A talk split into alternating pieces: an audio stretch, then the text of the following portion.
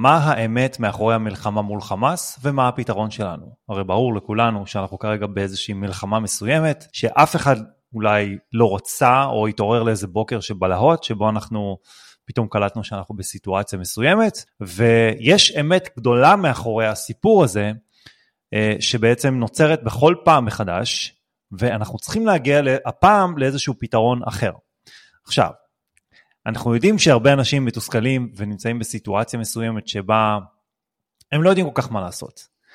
אה, אני שומע הרבה אנשים שרוצים מה שנקרא נקמת דם, וזה ברור מאליו, וזה מצוין כי אנחנו, המנגנון שלנו בתור בני אדם הוא להגן על עצמנו, להגן על הגוף. אנחנו לא צריכים עכשיו לקום בבוקר ולתת פרחים לאיזה מישהו שרוצה להרוג אותנו, זה קצת דבילי.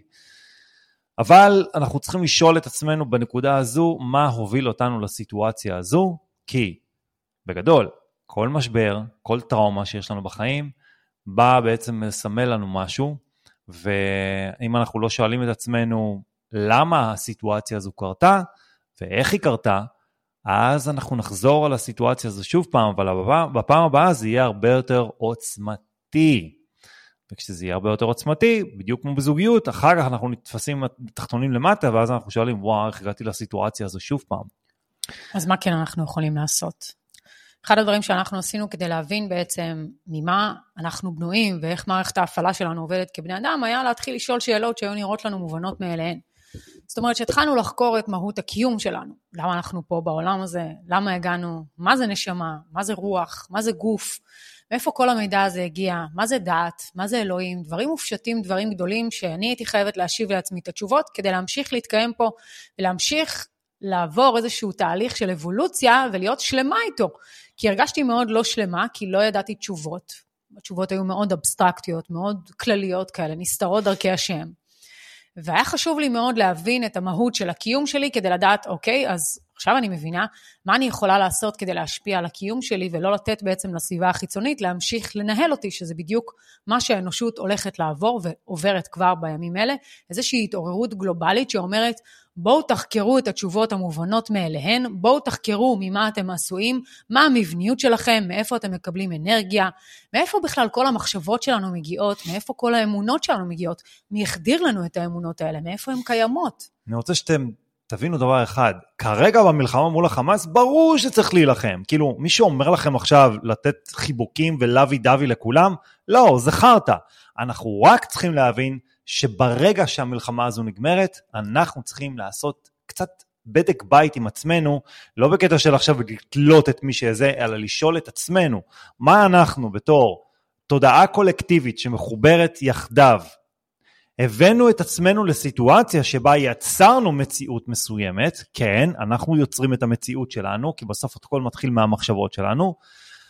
איך הגענו לסיטואציה הזו? עכשיו זה להילחם, אחרי זה, זה בדק בית עם עצמנו. ובדיוק כמו בזוגיות, ובדיוק כמו כל משבר שיש לכם בחיים, אם הגעתם לסיטואציה שיש לכם משבר, שיש לכם התקף לב, שיש לכם איזושהי מחלה, בסדר, אוקיי, מטפלים במחלה, מנקים את זה, אבל אחרי זה אנחנו צריכים לשאול את עצמנו, מה אנחנו, איפה החלק שלנו בנושא הזה? כי בן אדם שלא אומר, יש לי אחריות על מה שקורה במציאות שלי, הוא מדחיק. בעצם קורבן, הוא מדחיק, הוא מתעלם מעצם העובדה שאנחנו יוצרים, אנחנו יוצרים של הכל. אנחנו יצורים שיודעים לקחת את המחשבות שלנו ולייצר את כל הדברים במציאות שלנו. כמה שזה קלישאתי וכמה שזה רוחני, זה אמיתי. אנחנו יוצרים את מה שאנחנו חושבים עליו, ולמה, אוקיי? ולמה היינו צריכים מנגנון כזה שבעצם גורם להדחקה או למקום שאנחנו מסתירים את האמת מעצמנו? למה אנחנו מסתירים את האמת או למה אנחנו לא רוצים להתמודד איתה? למה אנחנו בוחרים שוב ושוב לקחת את הגלולה הכחולה ולהגיד שהכל יהיה בסדר, שיש מי שדואג לנו וכנראה שהכל יסתדר בסוף לטובה. זה משהו שמאוד נהוג בישראל להגיד, הכל יהיה בסדר, הכל יהיה טוב. אני מבינה את זה, זה רצון באמת לשאוף לחיובי ולהסתכל על חצי הכוס המלאה ולומר לנו ולעודד את עצמנו, ואני בעד שהכל יהיה בסדר. אבל אנחנו צריכים גם להבין משהו עכשיו שונה. המשהו השונה הזה הוא להניח בעצם שכל מה שידענו הוא שקר. כל מה שידענו, אנחנו צריכים להתחיל לחקור את הדברים הבסיסיים, מאין אנחנו נובעים, למה המדינה הזו בעצם מוגנת כל כך הרבה שנים? מדוע מדינה כל כך קטנה מייצרת כזה אימפקט רציני עולמי? מדוע כל אומות העולם רוצים לשמור על המדינה הזו? מה האינטרס? תראו, האינטרס בעצם הוא אינטרס הוא דבר שקיים בכל היקום. היקום הזה עובד בסחר הוגן. לכל דבר יש אינטרס בטבע. הדבורה, כשהיא באה לסחור עם הפרח, יש לה אינטרס, ולפרח יש אינטרס אל מול הדבורה. הטבע עובד בצורה אינטרסנטית כדי להמשיך להתקיים ולשרוד, והחזק שורד בטבע.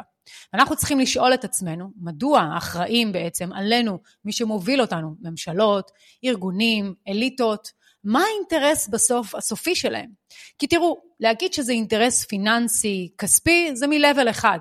אבל להבין שכרגע, אם אנחנו נלמד את האמת, להבין שהאלמנטים, שזה מים, אדמה, אוויר, אש והספייס הגדול, אלה האלמנטים בעצם שיכולים לקיים חיים. אלה האלמנטים שאלוהים בנה איתם את העולם. ועם האליטות האלה, המידע חשוף להם, והם יודעים איך לעבוד עם האלמנטים, הם אינם סוחרים בכסף, הם מדפיסים לנו את הכסף כבר שנים רבות, יש להם המון אה, יכולות להדפיס כסף, והאינטרס האמיתי אולי הוא קריאת אנרגיה, קריאת אנרגיה לשם סחר הוגן. עכשיו תראו, כשהסחר לא, כשהסחר הוא לא הוגן עם היקום הזה, קורה דבר הזוי. קורה דבר שבעצם אה, יש סוג של השוואה, השוואה של הכתבים, איזון, איזון של, ה, של הטמפרטורה. אה, וברגע שקורה דבר כזה, אז צד אחד בעצם מקבל המון שלילי, כדי שהוא יוכל לשאוף לכיוון החיובי, כדי להבין את עצמו. אני חושבת שמה שקורה כאן הוא נטו אינטרס של קריאת אנרגיה. אנחנו כרגע לא שואלים מה זה אנרגיה, מהיכן היא נובעת, אנרגיה לא נוצרת או נהרסת, אנרגיה רק עושה טרנספורמציה ושינוי צורה, ומדוע יש עכשיו רצון להרוס ולבנות משהו חדש? את זה אף אחד לא שואל. מדוע יש אינטרס להרים את כל רצועת עזה? של מי האינטרס ולמה? זאת אומרת, המון שאלות נובעות ממקור שאנחנו חושבים שאנחנו יודעים את התשובות לשאלות האלה, אבל זה לא התשובות האמיתיות. התשובות האמיתיות הן הרבה יותר עמוקות, התשובות האמיתיות גם יכולות לערער, כי התשובות האמיתיות יביאו את הזהות שלנו כיהודים או יהודים אה, עם אגו מסוים, להבין שכל מה שגדלנו עליו הוא שקר, וזה הקושי. הקושי הוא עיבוד הזהות. אנחנו... המס, המס בהתעלות רוחנית, המס בהתעלות לכיוון האמת, הוא עיבוד הזהות. כי אם אני מפסיקה להזדהות עם מה שידעתי עד כה, אז אני יכולה להרגיש שייכת לכל האלמנטים שקיימים כאן, כאן בטבע, ובעצם להתמזג איתם, ורק אז בעצם להשלים עם העובדה שאני חלק מזה, להתעלות מובן, באיזשהו מובן מעל הטבע, ולהתאחד איתו ולהכיל כאן שלום. אנחנו צריכים לשאול את עצמנו, למה הגענו לסיטואציה הזו? מה המלחמה הזו באה בעצם להראות לנו? בגדול, כשיש לבן אדם טראומה בחיים והוא רוצה רק להתחבא בתוך השמיכה שלו, והוא באמת שואל את השאלות האמיתיות ומתחיל לספר את האמת לעצמו, אז uh, הוא מתחיל לפענח בעצם מה קרה לו עד עכשיו, והוא די נבהל מזה, זה די כואב לשמוע את האמת, שעד עכשיו, נקרא לזה, מדינת ישראל הייתה פה די ניסוי. שימו לב, במשך כל השנים האלה יש פה כל מיני גורמים אינטרסנטים מבחוץ שמתערבים לנו במדיניות, מה שנקרא. בקורונה, כולם פה קיבלו חיסונים, עשו עלינו את הניסוי הראשון בעולם טוב שלא התנדבנו להזריק פה כל מיני דברים לתוך הווריד שלנו, אנחנו לא עשינו את זה דרך אגב, שתהיו בעניינים, ובתור נסיינים או בתור עכברי מעבדה, הדבר הזה בא לשקף לנו, המלחמה הזו באה לשקף לנו דבר פשוט מאוד, שאנחנו פטי שמאמין לכל דבר, אנחנו מאמינים לכל המנהיגים נקרא לזה, או לאיזה ביידן שמגיע עכשיו עם המשחטת מטוסים שלו, מאמינים לכל דבר שאומרים לנו, בואו תיקחו חיסון, אה, בואו תקשיבו לי, אני יודע הכי טוב, בואו תשמעו את זה ותשמעו את זה, אבל אף אחד לא שואל באמת מה האינטרס? מה, מה האינטרס? מה האינטרס של חברות הפארמה? מה האינטרס של חברות הנשק שקיימות כאן? מהיכן הגיע הנשק? למי, למי הוא נמכר? תראו, אני חושבת שמה שקורה כאן זה שכשאתה רוצה בעצם לשמש, אה, אה, להזיז את העדר בצורה כזו או אחרת, אתה צריך לשחק את שני התפקידים. אתה צריך לשחק גם את הרעים וגם את, את הטובים. וכשאתה משחק גם את הרעים וגם את הטובים, אז יש לך בעצם שליטה על המשחק, אתה לא מפחד מכלום, ואתה יכול לנווט את הסירה ואת התודעה הקולקטיבית, לחשוב ולהאמין ובעצם להיכנע למשחק שאתה מציג אל מולו, כי אנחנו בני אדם מונעים מהמקום של פחד, של הישרדות, כשאנחנו בפחד והישרדות, כל מערכות ההפעלה שלנו אה, עולות, האמיגדלה בתוך המוח נכנסת לסטרס, כל היכולת של יצירה, ליצור משהו, לעורר השראה, להביא כאן אה, איזושהי כמיהה למשהו חדש, בעצם נעצרת, ואנחנו פועלים על פי מה שאומרים לנו.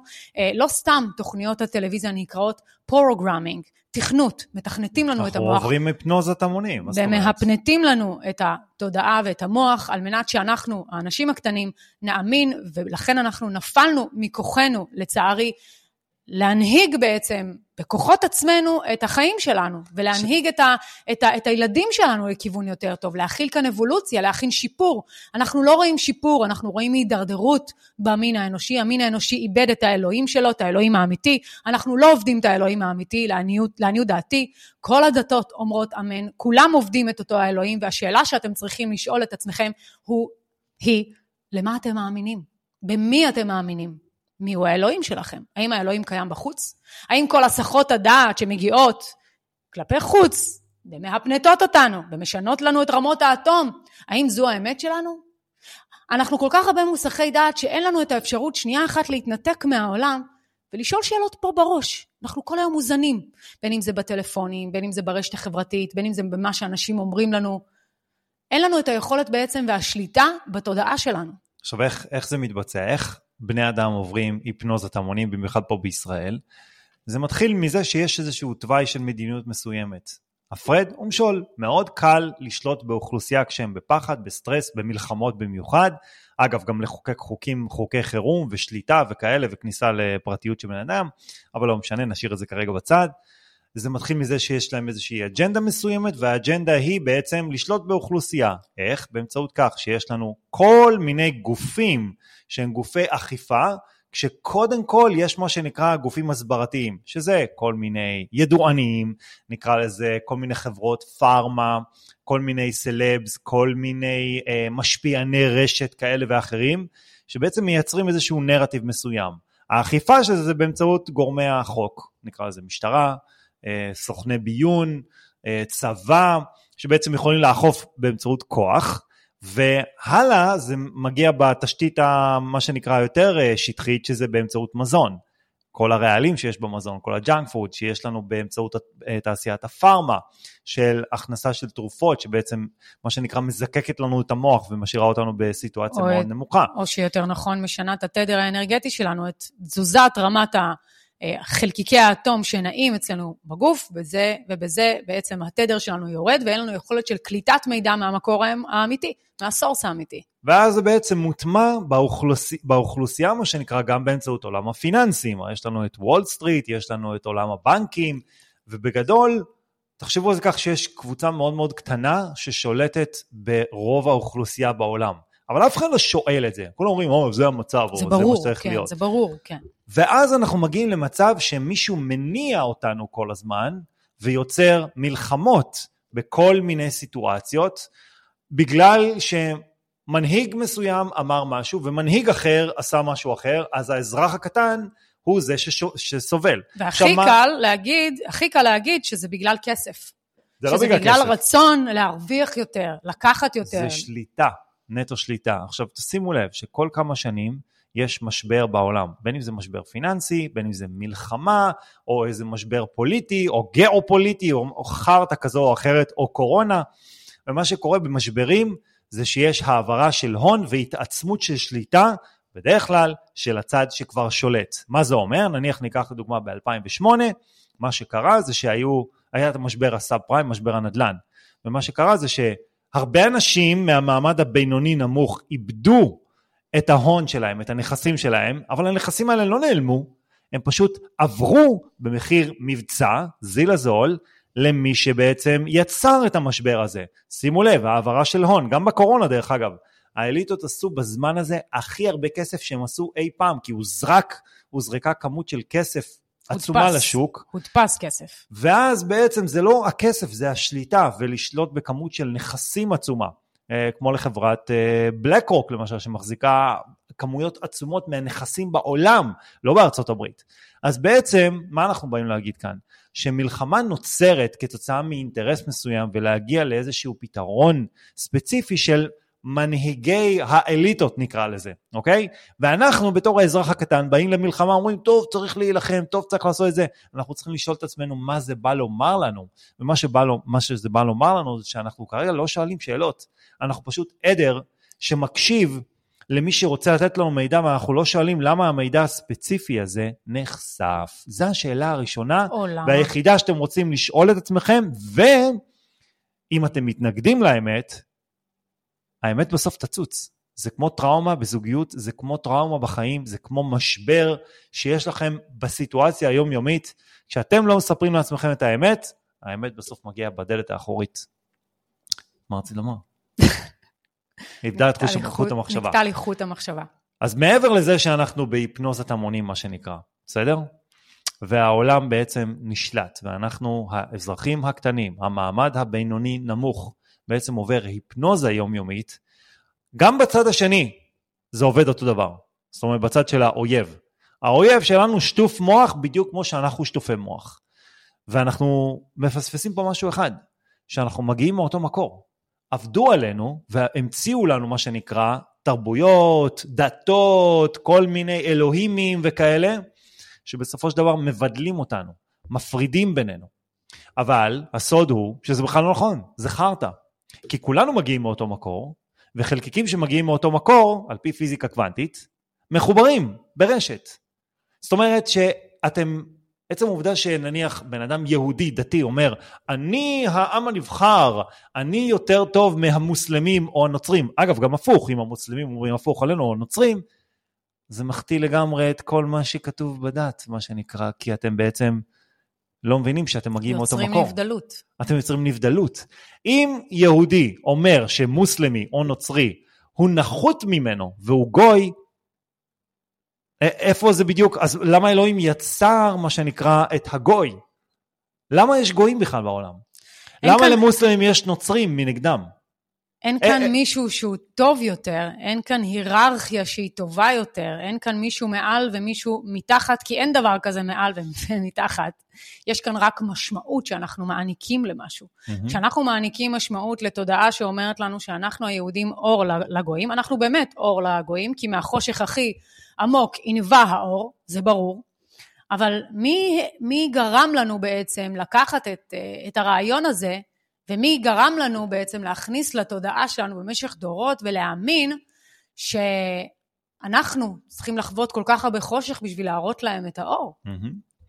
אנחנו בתור מדינת ישראל, מדינה של ניסוי. עושים עלינו ניסוי, אמ, יש פה מה שנקרא מאורעות חושך מאוד מאוד גדולים, טראומות של שני העמים, גם של המוסלמים, גם של היהודים, גם הנוצרים, אח, על הדרך, ככה מי שחי פה גם חווה את זה. המדינה הזו היא מדינת ניסוי, ואגב, גם אמרו את זה כמה פעמים, בקורונה ראינו איך אנחנו היינו נסייני המעבדה של העולם, יש פה DNA שמעורבב מהמון המון עמים, מה שנקרא, עולם. מכל אומות העולם, ויצרו פה איזשהו מיקס, אמרו בואו נראה איך אנחנו מכאן יוצרים משהו אחר. Uh, הנאצים עשו את זה בשואה ליהודים, ועכשיו הם המשיכו, מה שנקרא, לעשות את זה גם עם מוסלמים. אז יש פה איזשהו מיקס מסוים, ואם אנחנו לא עוצרים רגע ושואלים את עצמנו מי מניע את העדר הזה, עדר הכבשים שיש פה במדינה, לסיטואציה של מלחמות בלתי פוסקות, בטענה שיש פה איזושהי דת כזו או אחרת שהיא מובדלת ומובחרת מהשנייה, אז אנחנו נמשיך להיות כבשים. מה הפתרון? בואו נגיע לתכלס, בסדר? הפתרון הוא קודם כל בחשיפה של מידע. זוג לצורך העניין, שמגיע לסיטואציה מסוימת והוא לא מודע לעצמו, הוא פועל כמו חיה. הוא פועל באינסטינקטיביות, הוא פועל מתוך הישרדות.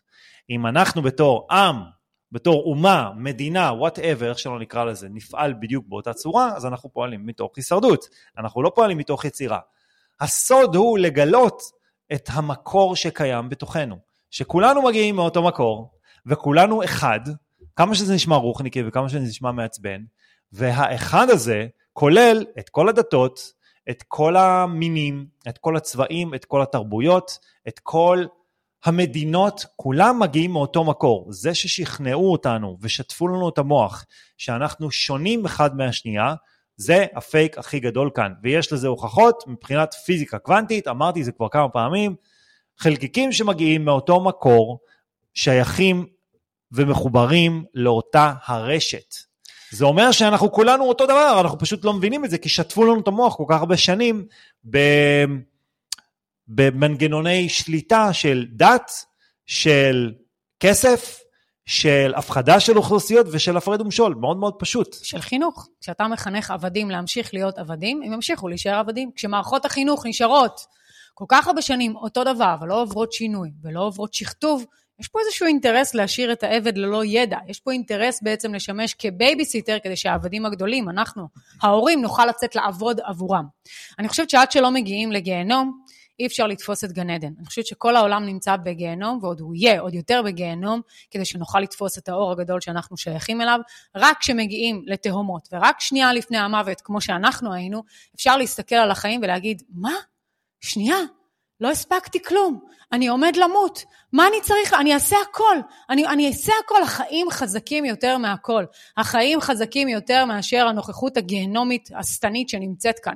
וברגע שאדם נמצא בתוך הגיהנום, הוא מסתכל ואומר, אלוהים, בבקשה, תעזור לי, אני צריך אותך, אני צריך אותך. צועק באיזשהו מקום לאלוהים האמיתי שנמצא בו, ואז יכול לתפוס באמת את האור הגדול. ולכן אנחנו חושבים שה...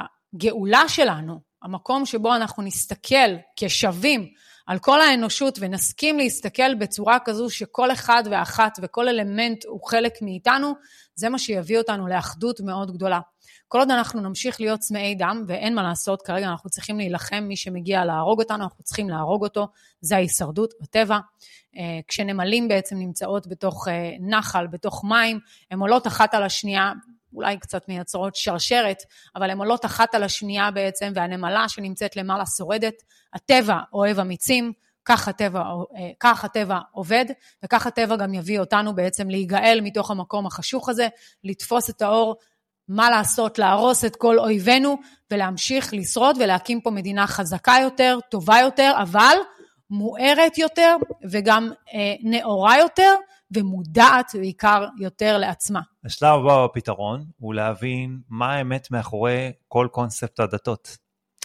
שטיפת המוח שבני אדם עברו בנושא הדתות היא לא נכונה, היא שגויה מהיסוד שלה. המציאו כל מיני קונספטים כדי מה שנקרא להסיט את בני אדם מהאמת האמיתית שאלוהים הוא אחד, או האנרגיה האינסופית של העולם הזה, או הבינה האינסופית היא אנרגיה אחת שלא מבדילה בין מין, צבע עור, גזע, שפה או תרבות או משהו בסגנון הזה. זה בסך הכל הרעיון שאנחנו הטמנו לעצמנו, שאנחנו היהודים העם הנבחר, או שהמוסלמים הם אלה שהחזקים יותר. הדת, הדת באה בעצם לתת לנו מפה. הדת באה לתת לנו מפה לכיוון האלוהים. ללא מפה וללא סימנים אין כאן כלום. אלוהים הוא ניטרלי, אין לו צורה, אין לו חזות, אין לו נראות, והוא צריך לבוא לכדי ביטוי מסוים. לכן יש לנו דת, לכן יש דברים מצוינים בדת ובקבלה, ואני בטוחה שגם בקוראן יש דברים שהם מאוד זהים, כי בעצם הקוראן כתוב על בסיס התנ"ך, רוב ה, אה, מה שנקרא דתות. אבל מה שאני באה לומר זה שאין נכון ולא נכון, יש כאן המפה.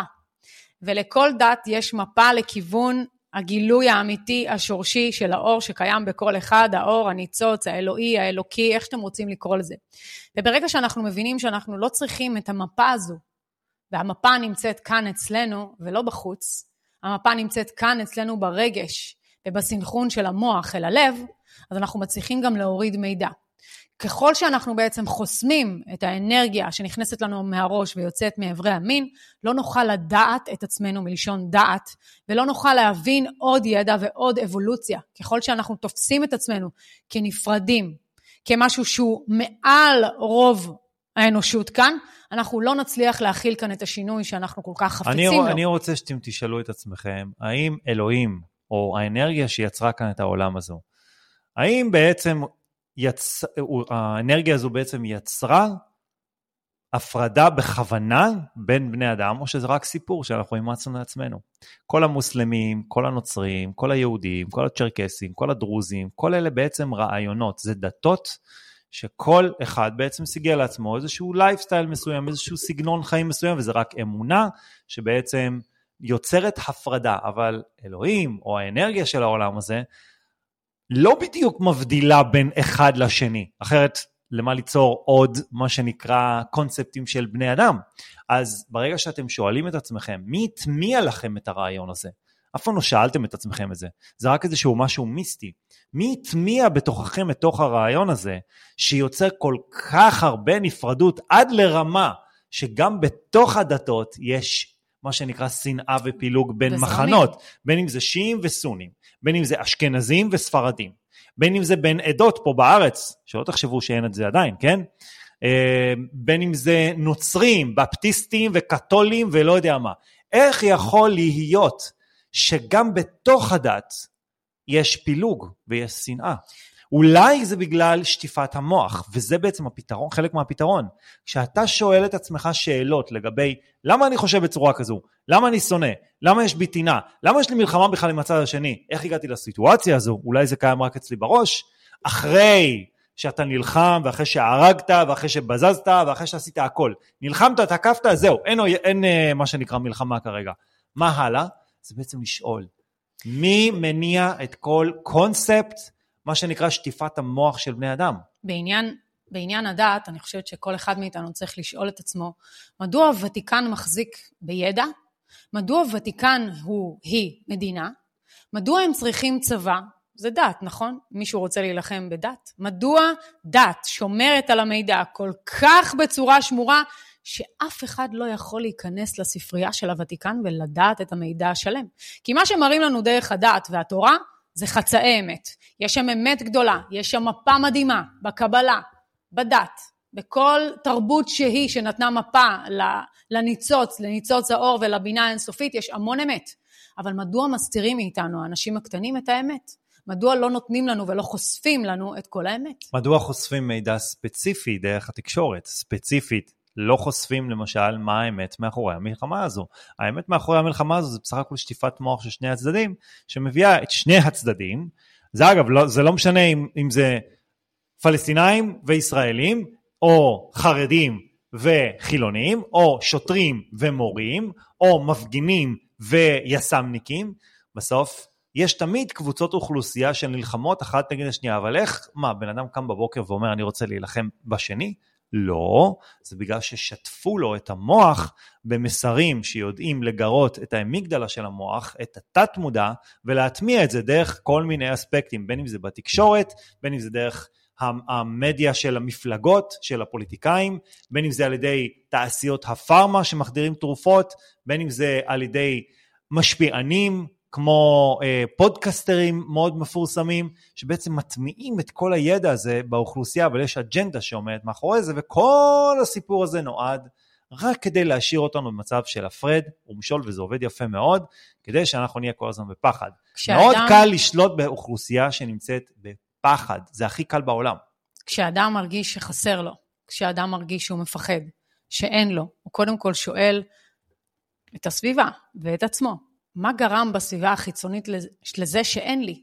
למה אין לי? למה חסר לי? אז הוא ינסה להאשים כל דבר בסביבה שלו, רק כן. כדי לא לקחת אחריות על זה שאין לו. תודעת קורבן.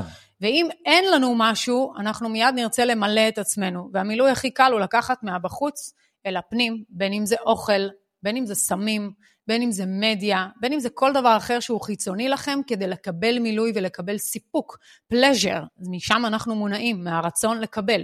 אין עם זה שום בעיה, זו אבולוציה.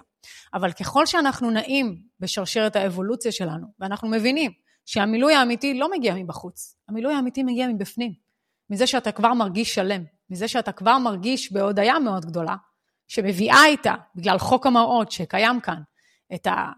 מה שנקרא הגאולה שלנו, אז אנחנו נוכל באמת להיגאל, לא בגלל שמישהו יגאל אותנו, אנחנו נוכל להיגאל מעצמנו, נוכל לצאת מהבוט שלנו בזה שנתחיל לשאול את השאלות האמיתיות, שבאמת אנחנו חושבים שאנחנו יודעים את התשובות לשאלות האלה. עכשיו, אנשים אומרים, טוב, זה רוחניקי מדי, טוב, זה מאוד מאוד כללי ומאוד מאוד בשמיים, ולאבי דבי וכאלה. חבר'ה, תקשיבו, כשיש לבן אדם בזוגיות שלו או בחיים שלו, יש לו טראומה, יש לו משבר, והוא לא שואל מה הוביל אותו למשבר הזה, הוא יחווה את המשבר הזה שוב פעם, זה נקרא קרמה. קרמה אומרת שיעור שלא למדנו, והשיעור הגדול שלנו בתור מדינת ישראל והמוסלמים שם שיושבים בצד השני בעזה, זה פשוט להבין ששנינו, שני הצדדים, שטפו לנו את המוח במשך שנים, שאנחנו אויבים של אחד והשנייה, והסתירו מאיתנו מידע, שהמידע הזה אומר שאנחנו מחוברים ושיש לנו יכולת להתנתק מקונספט הדת, הדת השקרית, ולהבין שה data האמיתית היא דאטה אחד. בדיוק, היא דאטה אחד. דאטה אחד, דאטה אחד בעצם באה לשקף לנו, מעבר לאחדות שלנו, את מהות האלכימאיות שבנו. זאת אומרת, כל אדם הוא אלכימאי. למה הכוונה אלכימאי? אלכימאי זה בעצם היכולת לעבוד עם הכימיקלים שהגוף שלנו מפריש באופן טבעי, כמו אוקסיטוצין, דופמין, אנדרופינים ועוד הרבה דברים וכימיקלים שנעים אצלנו באופן טבעי, ולשלוט בהם. מה זה אומר לשלוט בהם? כשאנחנו מגיעים לתודעה של שליטה רגשית, אנחנו בעצם יכולים למשוך לעצמנו מציאות שונה.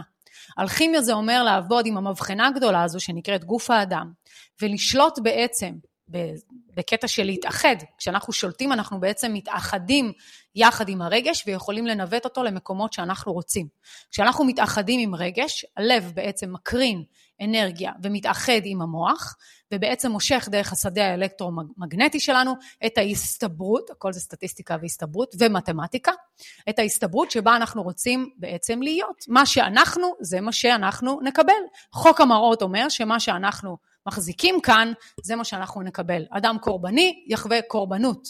אדם אה, אמיץ יחווה, יחווה הרבה אומץ. זאת אומרת שאם אנחנו אלכימאים, ואנחנו בעצם יכולים לעבוד עם כוחות נפשיים ומנטליים דרך הרוח, ולשנות את הנשמה שלנו כדי לקבל מידע גבוה, אז יש לנו את הסוד.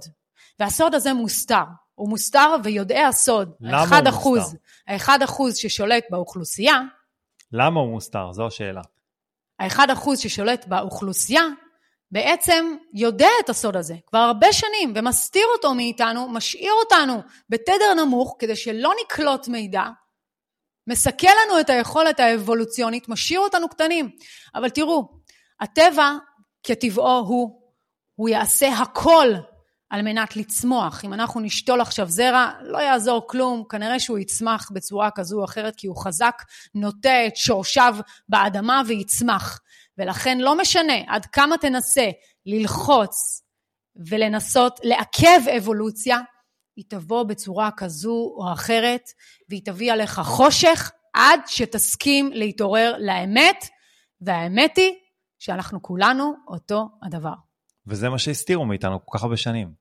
האמת היא הפתרון, אבל האמת שבה אנחנו לא מתנגדים לאמת. כי כשאנחנו אומרים לאנשים עכשיו שעבדו עליהם עם המלחמה ומכרו אותם, הם אומרים לא יכול להיות, מתו כל כך הרבה חיילים בגבול ונלחמו והגנו. חבר'ה, מכרו לכם את התחת, אתם עדיין לא הבנתם את זה.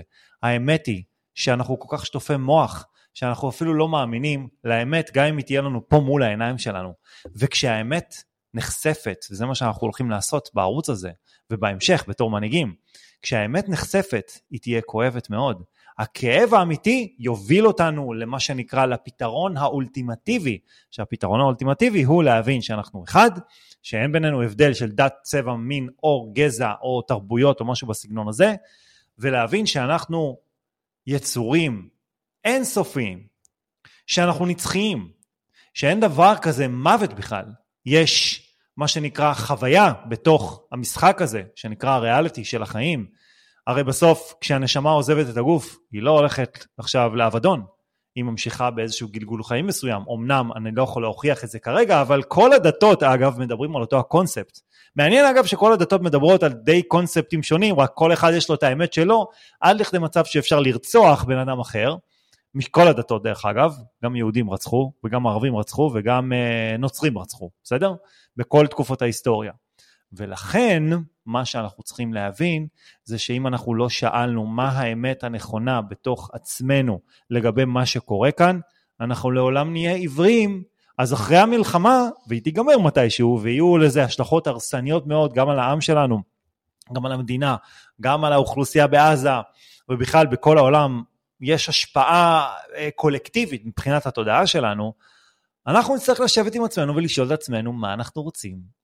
ואיך, למי אנחנו ואיך מאמינים. אנחנו, ואיך אנחנו רוצים לחיות כאן? איך אנחנו רוצים שהעתיד שלנו ייראה? מה אנחנו רוצים לבנות? מה עשינו עד עכשיו, שהיה על הפנים, שהקים כאן חברה שבעצם באה אה, להילחם אחד בשני, למרות שאנחנו מגיעים מאותו המקור? האם אנחנו רוצים להמשיך? האם לשם אנחנו שואפים? אז בואו נסכם לכם, בואו נסכם לכם את הפתרון, בסדר? כרגע מלחמה, אנחנו נילחם נכסח אותם כנראה, זה מה שקורה כרגע, נביס להם את הצורה, כנראה שישחררו גם את כל החטופים, כנראה שגם תהיה עסקת שבויים. אגב, זה אותו נרטיב שחוזר על עצמו, פשוט כל הזמן זה מתעצם עוד יותר ועוד יותר ועוד יותר. מאז שאני זוכר את עצמי, הייתי כבר בארבע מלחמות, לחמתי בארבע מלחמות, זו המלחמה, מי יודע כמה. הפעם אני לא נלחם, אבל בגדול זה רק חוזר על עצמו. תסתיים המלחמה העוצמתית הזו, אם אנחנו לא נשב עם עצמנו ונשאל איך הגענו לסיטואציה הזו, מי בעצם מנהיג את העולם הזה, מה האינטרס שנוצר כתוצאה מהמלחמה ומה התוצאה, אנחנו נחזור על זה שוב פעם. והאמת נמצאת בתוכנו. זה לא איזה משהו רוחניקי, זה לא איזה משהו באוויר, זה לא חיבוקים, זה לא לוי דווי ולא פרחים ועלי השלום, משהו בסגנון, זה לשאול את עצמנו ממה אנחנו בנויים, מי שטף לנו את המוח, למה יש אליטות ששולטות בעולם דרך כל מיני אספקטים בכל רובד שהוא, בין אם זה תקשורת, אה, מזון, אה, תעשיית הפארמה, בתי הספר, כל המוסדות האלו נוצרו כדי לשלוט באוכלוסייה. ואם אנחנו לא מבינים שאנחנו נשלטים, אנחנו לנצח נהיה כמו בובות פינייתה, שבעצם כל פעם נותנים לנו איזושהי מכה מכל צד, ואגב, זה תקף לכל העמים. ואם אין לנו עצמאות מספיק מחשבתית ופיזית כדי להבין שהשליטה היא שלנו, אנחנו תמיד ניתן את הכוח, תמיד נהיה חלשים, תמיד נפחד. שאלו שאלה פשוטה, למה התקשורת, גופי התקשורת, נשלטים על ידי בעלי הון? מה האינטרס שלהם להחזיק דווקא חברות מדיה? הרי יש להם כסף, נכון? יש להם כבר את כל ההון שבעולם. למה להחזיק דווקא בערוץ, שאגב, אני לא בטוח שהוא כזה רווחי, בערוץ 13, 14, 12, whatever, זה לא משנה, CNN, Fox News או משהו בסגנון. למה להחזיק? כי הם רוצים לשדר אג'נדות מסוימות. לכו תבדקו למשל על חברת בלקרוק, למשל, כמה נכסים יש לה בעולם. תראו שהם שולטים בשתי הקצוות, גם הרעים מאוד... וגם הטובים. זה אגב מאוד מפליא אותי שאנשים עדיין לא יודעים את המידע הזה. כאילו, what the fuck? המידע בחוץ. איפה הייתם עד עכשיו? המידע בחוץ, לכו לחקור. בזמן הקורונה היה מלא מידע של זרם, חלק התעוררו, אבל לא עד הסוף. לא, אבל היה הרבה מידע שהוא גם לא נכון, שהוא הרבה פייק. מלא פייק, הרבה, מלא הרבה הפחדות. הפחדות. אנחנו לא כאן כדי להפחיד אתכם ולהגיד לכם שהם שולטים בנו וסוף העולם קרב. הפוך! אנחנו כאן כדי להגיד שיש לנו פה יכולת ותקווה להביא לכאן משהו אחר בעקבות המצב הקשוח. כל משבר נוצר כדי שנלמד, נתפכח ונגדל ממנו.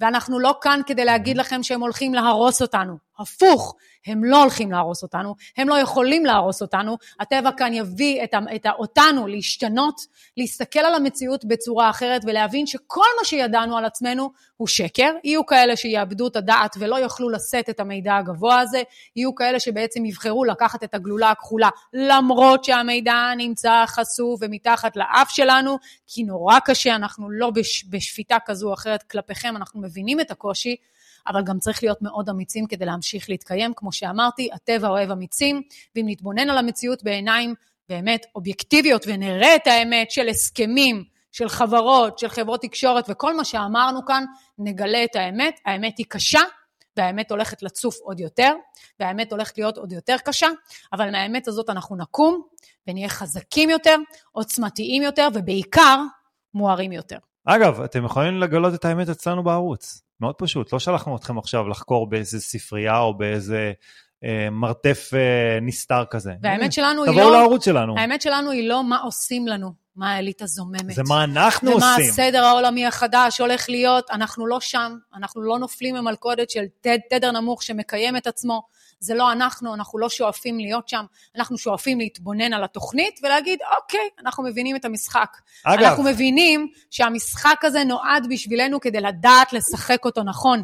אם אתה רוצה בעצם להזיז ולהיות משפיען ולהזיז את האנושות לכיוון טוב יותר, כנס לתוך המשחק, אל תשתבלל, אל תיכנס מתחת לפוך, אל תחשוב שכל העולם הולך לקרוס עליך והולכים לעשות לי והולך להיות פה נורא, כנס למשחק, שחק נכון, ואז תנצח. אגב, אם אתם בכל מיני קבוצות מפחידות בטלגרם, כמו של גלי לוסי, או מורן עדן ברגמן, או לא יודע מה, כל הקבוצות המוזרות האלו. או מרימים את התדר, שהם כן. מורידים את התדר. אלה קבוצות שאתם צריכים לברוח מהן. כי אם אתם יוצאים מקבוצה מסוימת, אחרי שאתם הרגשתם, והרגשתם אחרי זה רע, זה לא הקבוצה בשבילכם, זו קבוצה שנועדה רק לצבור פופולריות ולהפחיד אתכם.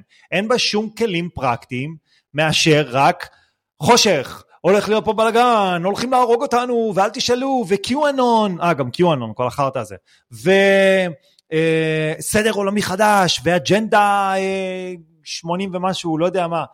זה המקום שאתם לא צריכים להיות בו. המקום שאתם צריכים להיות בו זה ערוצים כמו שלנו, והם שנותנים לכם משחקים את פרקטיות. המשחק, הם משחקים את המשחק גם דרך הערוצים האלה, שתהיו אה, בעניינים. כן, ברור. הם נכנסים ושותלים שם הפחדות ורוע וקושי, כדי שאנחנו נגיד, אבל תראו, בסוף זה מה שהם רוצים, תראו, האו"ם וכולם מנסים, וקלאוס שוואבס, איך קוראים לו, אה, בא והנה הם אומרים את זה בפה מלא שזה מה שהם הולכים לעשות. אם אנחנו ניתן להם לעשות את מה שאתם רוצים, אם אתם תתחילו להגיד ולהפיץ, והנה זה מה שהם הולכים לעשות, הם באמת יצליחו לעשות. אם אנחנו נקום על הרגליים האחוריות ונגיד, לא יקרה, לא יהיה. אנחנו מתעוררים כולנו, אנחנו יותר חזקים, אנחנו המון עצום של אנושות, לא יקרה כאן כלום. המיקרופון. אגב, אני בתור ילד תמיד שאלתי את עצמי, למה הבתים, הזוגיות של אנשים, תמיד נראית כל כך רע? בתור ילד שאלתי את עצמי את השאלה הזאת, שאלת, אתם יודעים, שאלה שהקפצתי לעצמי בתוך הראש כל הזמן, כי כל בית שהייתי מגיע אליו, לא הייתי רואה, למעט בתים בודדים, לא הייתי רואה זוגיות כזאת, ואז היום אני מבין את הסיטואציה הזו, כי אנחנו נשטפי, שטופי מוח באמצעות כל עזרי המדיה המאוד מאוד פשוטים. שימו לב, למשל, כל תוכניות הטלוויזיה, בין אם זה נשואים פלוס אל בנדי, בין אם זה פמילי גיא, בין אם זה כל התוכניות שתמיד יש איזושהי אישה ממורמרת, ואיזה גבר שהוא נרגן כזה, אתם יודעים, ארצ'י בנקר, מי שזוכר את התוכניות האלו. תחשבו על זה, זה רק קונספט אחד, וזה במקרה נוגע לנו מקרוב. קונספט אחד שבעצם הצליח כל כך להצטרף בתודעה של אנשים שאנחנו מאמינים לצורך העניין שזה זה, כמו הסימפסונים, הומר סימפסון ואשתו מרג', האם זה שלה, והומר סימפסון שמן ונרגן כזה, ודי טיפש. אז כאילו אנחנו מאמצים רעיונות שנמצאים בתוכניות טלוויזיה שנועדו לתכנת לנו את המוח, ואנחנו פשוט מאמינים נכנעים, ואז אנחנו משתבללים בתוך המשחק. זו שאלה שאני, זו שאלה שאני שאלתי את עצמי ממש בתור ילד, ואני בעצם הבנתי את זה אחר כך במשך השנים, שבעצם הבתים של אנשים, הזוגיות שלהם נראית כל כך כל כך רע, תראו את אחוזי הגירושים, בגלל התכנות ההמונים שיש לנו, ובגלל שאנחנו לא מודעים למי שאנחנו.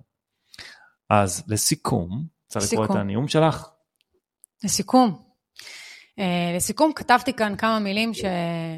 שאני חושבת שכל אחד צריך לשמוע פה, לתת לכם תקווה ולהגיד לכם שיהיה כאן ממש טוב. ונכון שאנחנו חווים חושך, ונכון שנרצחו לנו אנשים. אז עם יקר שלנו, אנחנו עומדים בפני תקופה שלא נראתה כאן מאז קום המדינה. רצחו לנו את הילדים, את הנשים ואת האבות שלנו. וכולנו מדממים כרגע, וכולנו מנסים להפסיק את הדימום ולרפא את הפצע הזה. כדי שנוכל להגן על עצמנו, כדי שנוכל לקום חזקים יותר, עוצמתיים יותר, גם ברוח, גם, גם בנפש וגם בגוף שלנו. הגוף הזה מלא בטראומה ישנה של שואה שמתעוררת עכשיו ומאיימת לכלות אותנו ולהוקיע בעצם אותנו מהאדמה הזו. הבא להורגך, השכם להורגו. אני עדיין מאמינה בזה, ועדיין חושבת שכאם כל האימהות וכחווה, חובה עלינו להגן על המולדת שלנו. אנחנו לא צמאי דם, מעולם גם לא היינו כאלה. אנחנו לא עם נקמן, אנחנו עם שנתן הזדמנות לאויב שלו לראות את האור שיש בנו כיהודים, לגעת בו וללמוד ממנו. האויב צמא לדם, והוא יובס, ויעזוב את המדינה ויעזוב את העולם. יש בליבנו ידיעה עמוקה שנקים כאן הכל מחדש. נשתול ונקים כאן מדינה חדשה יותר, עם ליבה עוצמתית יותר, עם דעת גבוהה יותר, כדי להכיל כאן שינוי. גם ממלכת האור זקוקה עדיין ללוחמי אור אמיצים, שיעמדו לצידה, מהחושך שמנסה לרדוף ולכבות את האור הזה ולגזול את הזכות להיות מואר. אנחנו שולחים כוחות לחיילים שלנו, לאימהות ולאבות ולחיילים ולמשפחות החטופים ולהורי החטופים שלא ישנים בלילות. אנחנו שולחים לכם, עם יקר שלנו, תקווה והמון אהבה. רק אהבה וזיקה לגאולה תביא לנו את הדרך השלמה לשלום בינינו ולשלום בין כל העמים. כשמימד הרוח לצידנו, כוח האריה שבנו יתגלה ויביס את אויביו. אני מאחלת לכולנו שנעבור את התקופה הזו בטוב, באהבה ובשקט, ושכל החטופים יחזרו לבתיהם, ושכל הילדים יחזרו הביתה. חבר'ה, אנחנו ננצח את הכל. אנחנו ננצח את מי שהתחיל פה את הדבר הזה. הכל תלוי בנו ובאחדות שלנו. אז שיהיה לכם אחלה יום, אם יש לכם שאלות בתגובות, בבקשה. אתם תמיד יכולים לפנות אלינו, אנחנו יודעים שכולנו עוברים תקופה קשה, גם אנחנו בטלטלה, אנחנו כל היום שלנו נראה אחרת לגמרי.